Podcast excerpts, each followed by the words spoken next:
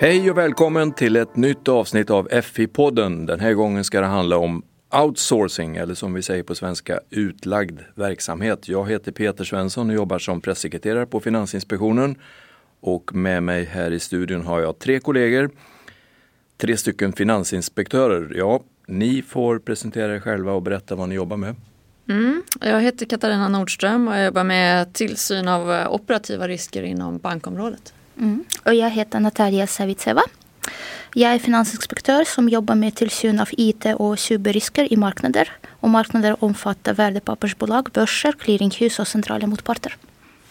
Och jag heter Per Hårland. Jag jobbar med tillsyn av operativa risker i försäkringsföretag. Mm. Och vad har ni jobbat med tidigare? Eh, jag har bland annat jobbat med styrningsfrågor kring just eh, outsourcing på olika banker, framförallt av IT-tjänster och eh, specifikt molntjänster.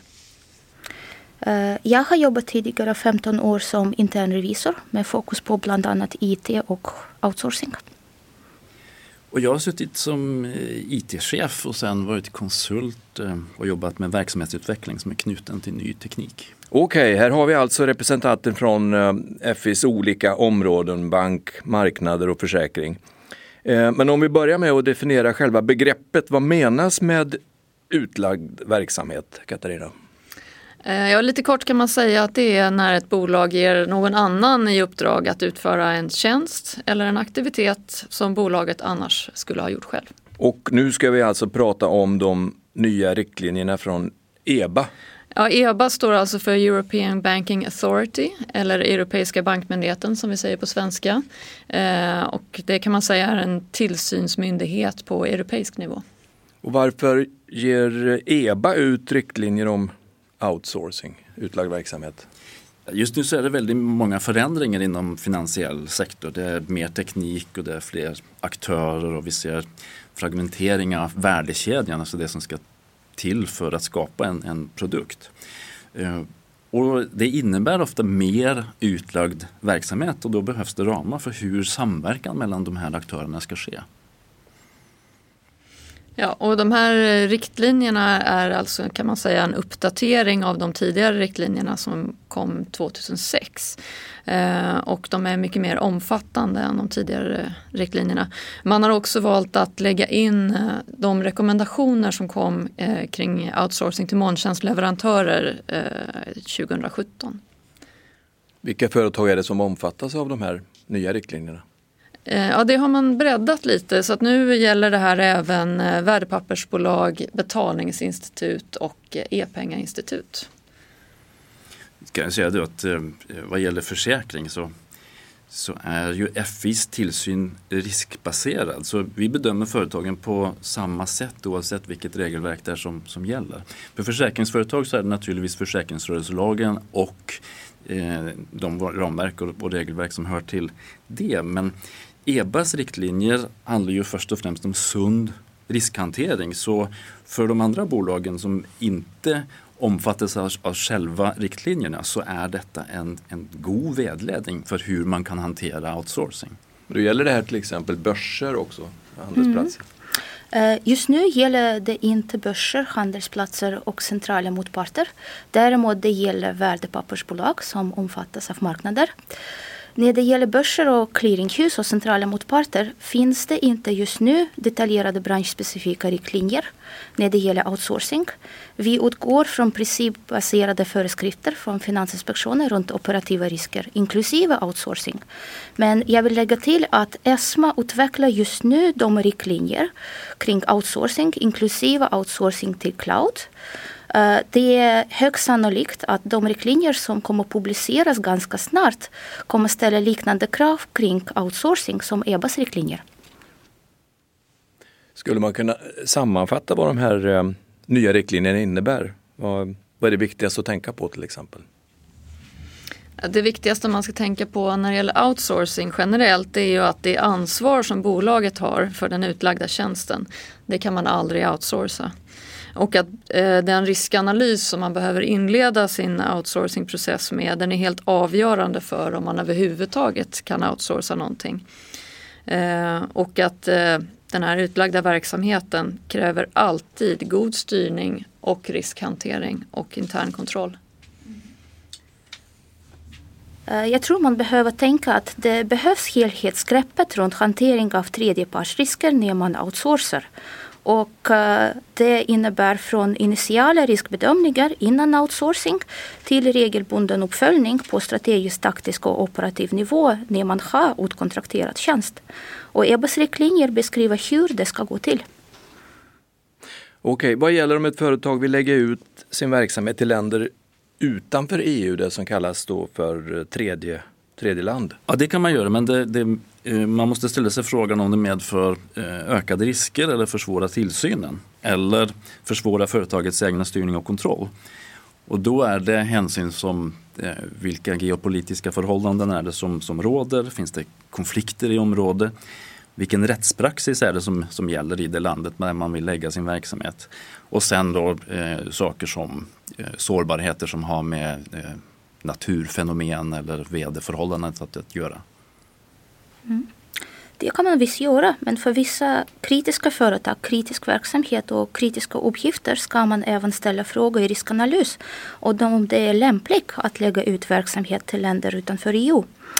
Det krävs mycket mer detaljerat riskanalysarbete samt riskmonitorering vid utläggning av verksamhet till länder utanför Europeiska unionen.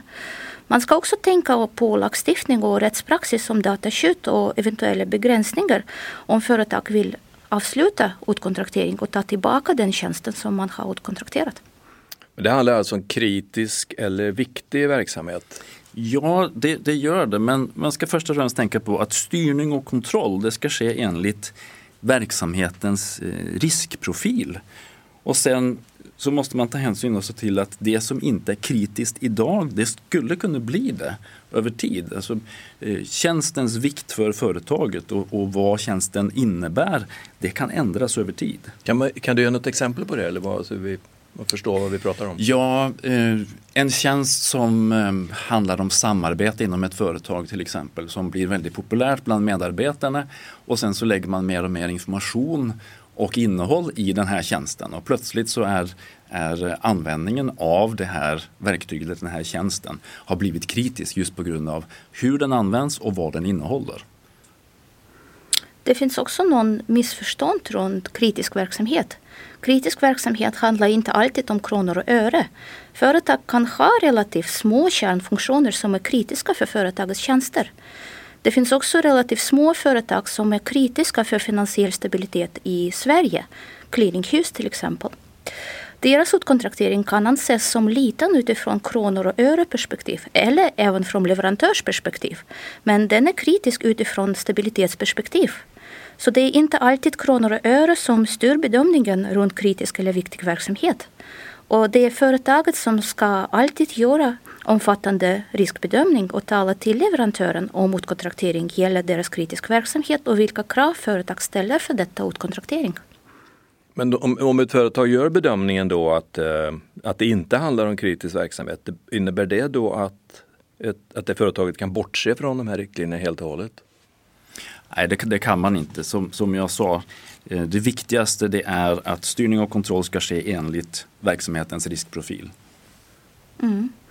Och jag vill också lägga till att eh, EBA-riktlinjer de eh, beskriver kriterier för att bestämma om det handlar om motkontraktering. Men företag ska hantera sina risker även vid köp av tjänst. Så klassificering av avtal betyder inte att de avtal eh, är undantagna från riskhantering.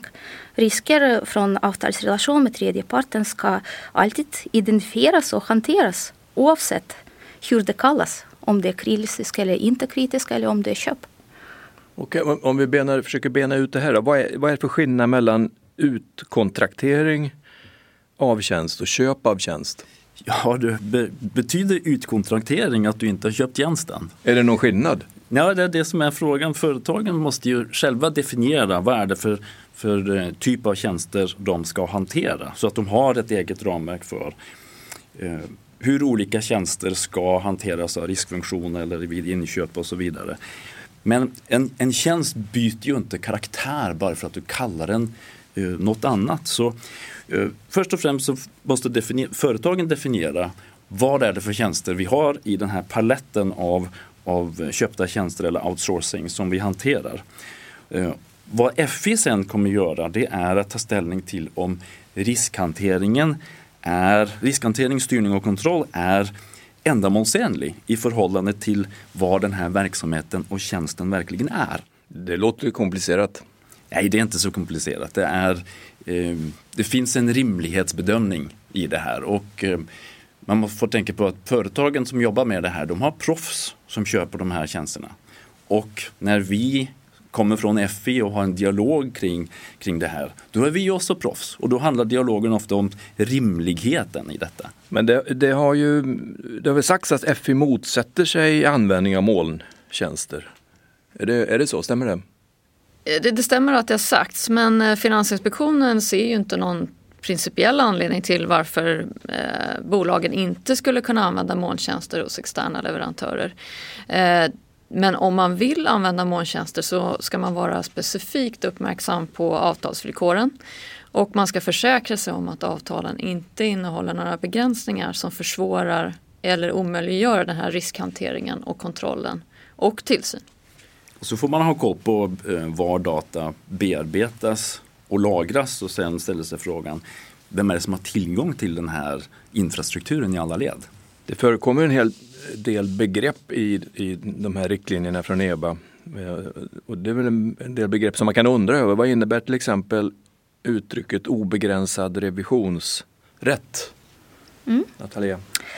Uh, en obegränsad revisionsrätt det är rätt för företaget och tillsynsmyndighet att besöka lokaler, få tillgång till information, system, process och annat som relaterar till den utlagda verksamheten. Den rätt får inte begränsas i avtalstexten. Egentligen det här är inte ett nytt begrepp. Begreppet har existerat minst 30 år, så länge oberoende kontrollfunktioner har existerat. Risk, compliance, intern revision och egentligen extern revision. Det här begreppet är nyckel och förutsättning för effektivt riskarbete för de funktionerna. Och eh, den begreppet har funnits i utkontrakteringsavtal som man har ingått under sista 10-15 år. Mm. Så det, det, är ingenting nytt egentligen då? Nej, men jag, om jag får, avdramatisera den eh, frågan lite. Här har man VD, styrelse, IT-chef, eh, säkerhetschef som behöver kunna sova gott om natten. De behöver veta att vi har den här rätten. Det är en helt annan fråga eh, om och i vilken utsträckning man ska utnyttja den här rätten. Och då är jag tillbaks igen till vilka risker är det det handlar om? Hur ser riskprofilen ut för den här tjänsten som man har, har köpt? Mm. Och I praktiken kan företaget välja sätt att utföra sin revision. Det kan göras i egen regi, det kan göras genom utsedd tredje part, det kan göras genom egen intern revision eller extern revision eller genom gemensam revision tillsammans med andra kunder till samma leverantör. Det är något som företag bestämmer själv baserat på sin egen riskanalys. Men de val valmöjligheterna får inte begränsas i avtalet. Annars limiterar man från början förutsättningar för effektivt riskarbete med tredjepartsrisker. Okej, okay, och en annan grej som, som tas upp här det är någonting som kallas för sub-outsourcing. Vad är det för någonting? Det är när man eh, lägger ut verksamhet i flera led. Alltså att din underleverantör lägger ut till ytterligare en leverantör som lägger ut till ytterligare en leverantör. Vad gäller då? Ja, man måste tänka på att eh, ju, ju, fler som är med, ju flera kockar du har, desto mer eh, komplex blir ju egentligen den operativa delen av verksamheten. Och eh, jag anser ju att den operativa riskprofilen höjs. Ja, riskprofilen höjs och sen eh, kan det bli svårare med den här uppföljningen som är så viktig utav eh, den outsourcing man har. Så att, eh, det måste man ta hänsyn till. Mm. Det ofta innebär mer komplex riskhantering för företag som motkontrakterar eftersom man behöver göra riskbedömning av den andra, tredje och ibland även fjärde led i kedjan. Så risk, riskarbete blir mer omfattande med kedjeoutsourcing. Ni var inne och pratade om, om eh, revision eh, tidigare. Här. Kan en gemensam revision eh, göras genom till exempel en molntjänstleverantörs försorg genom att den leverantören anlitar en extern part som gör eh, den revisionen. Sen får då leverantörens kunder ta del av revisionen. Vad säger bestämmelsen om det? Mm, det kan man absolut göra. Men eh, det ska, vara, det ska inte vara en enda valmöjlighet som existerar för den kunden som har utkontrakterat. Det ska vara en bland alla andra valmöjligheter. Och eh, väljer man det här spåret så måste man se till att informationen som kommer ur en sådan tredjepartsgranskning är, är, innehåller tillräckligt för att bolaget ska kunna fatta beslut om det. Så internrevision ska man vara nöjda å ena sidan och när vi kommer på besök som, som tillsynsmyndighet då ska vi alltså vara nöjda med det här. Mm-hmm. Mm. Så, eh, stora molntjänstleverantörer använder sig väl ofta av eh, standardavtal då, som kan vara svåra för en, en aktör att omförhandla. Kan inte FI eh, meddela helt enkelt vilka avtal som är godkända, alltså vilka som följer regelverket enligt Finansinspektionen så att så det blir lättare att avgöra om man kan ingå ett sådant avtal eller inte. Nej, det är ju så här att eh, varje bolag har ju sina egna specifika förutsättningar att ta hänsyn till när man ingår ett avtal eh, med en tredje part. Och det bolaget behöver göra är ju att identifiera och hantera alla risker som de exponeras mot. Eller kan exponeras mot som ett eh, resultat av det här avtalet. Ehm, och det är ju alltså resultatet av den här riskbedömningen som kommer att avgöra hur avtalet ska utformas. Eh, Finansinspektionen kan alltså därför inte på något sätt förhandsgodkänna varken leverantörer eller avtal. Eh, och vi kan inte heller därför vitlista leverantörer eller något liknande. Alltså om en leverantör är lämplig eller inte och hur avtalet ska utformas. Det beror helt och hållet på bolagets förutsättningar. Mm, okay. Mm. Den som jag kan lägga till är oavsett företagsspecifika villkor i avtal ska revisionsrätten inte begränsas. Det är den som är supertydlig i EBAs riktlinjer. Jag tycker man kan lägga till att vi, har varit inne på det, det, har varit väldigt, det är en väldigt hög förändringstakt inom finansiell sektor så det blir en omöjlig uppgift för en central eh, intressent kan man säga, om vi, vi kan kalla FID i det här sammanhanget. Men det blir en omöjlig uppgift att försöka bevaka hur alla förändringar ska kunna återspeglas i de här avtalen. Och de här bolagen som förser finansiell sektor med tjänster, de står inte under FIs tillsyn. Mm. Så upp till varje bolag att bedöma och, och göra den bedömningen. Ja. Ja, och bedömningen ska inte bara göras när man ingår avtalet utan det här är någonting som man ska återkomma till ständigt. Eh, för att som Per säger, det är hög förändringstakt och man ska återkomma till eh, sin utvärdering. Mm. Och utvärdering ska inkludera även, även uh, avtal som man har ingått och som man klassificerar initialt som köp av tjänster. För bilden kan förändras med tiden. Mm. Det finns ju så många eh, mycket regelverk och praxis och instruktioner kring eh, användning av till exempel molntjänster. Då. Men vart kan man vända sig om man har om man har frågor om det här? Ja, det bästa är att kontakta eh, innovationscentret på FI. Och det, det, det, kan man göra genom innovationscentret fi.se eller genom att surfa in på fi.se innovation. Vad är innovationscenter för någonting? Ja, det är en reaktion på förändringstakten kan man väl säga. Vi började för ett och ett halvt år sedan, mars 2018 eh, lanserades väl det här. Och syftet är att eh, skapa en möjlighet för information och dialog med intressenter kring den finansiella sektorn just vad gäller teknik och det är därför det heter innovation. Får ni många frågor? Ja det gör vi. Jag tror att vi har betat av ett, eh, ett hundratal frågor som mest har kommit mejlledes sedan vi, vi startade. Vad är det för frågor? Ja, det är högt och lågt. Det kan vara killen som nyss har eh, vaknat och äter frukost och kommer på att eh, Sveriges befolkning behöver billiga försäkringar. Och eh, då gör det lite ont i hjärtat att skicka ett mejl tillbaka och säga eh, ja, läs först försäkringsrörelselagen.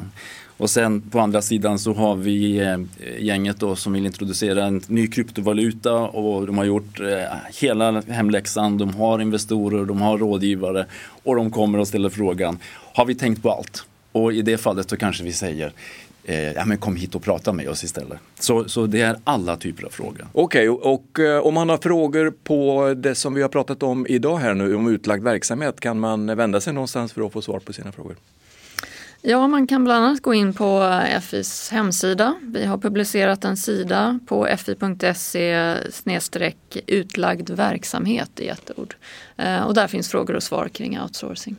Okej, fi.se snedstreck utlagd verksamhet. Där finns frågor och svar. Och där är vår tid ute för den här gången. Tack för att du har lyssnat. Och FI-podden är snart tillbaka med ett nytt spännande ämne. Hej då!